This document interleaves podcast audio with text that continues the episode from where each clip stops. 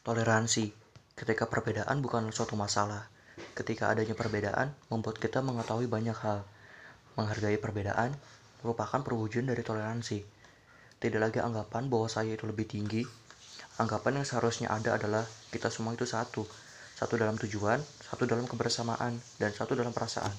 Ikut merasakan apa yang saudara kita rasakan dalam kondisi apa pun. Atau istilah lainnya adalah empati ketika rasa empati itu ada dalam diri seseorang, maka itu bisa menjadi sesuatu yang bagus untuk menuju suatu persatuan yang disebabkan mempunyai rasa kepedulian satu sama lain.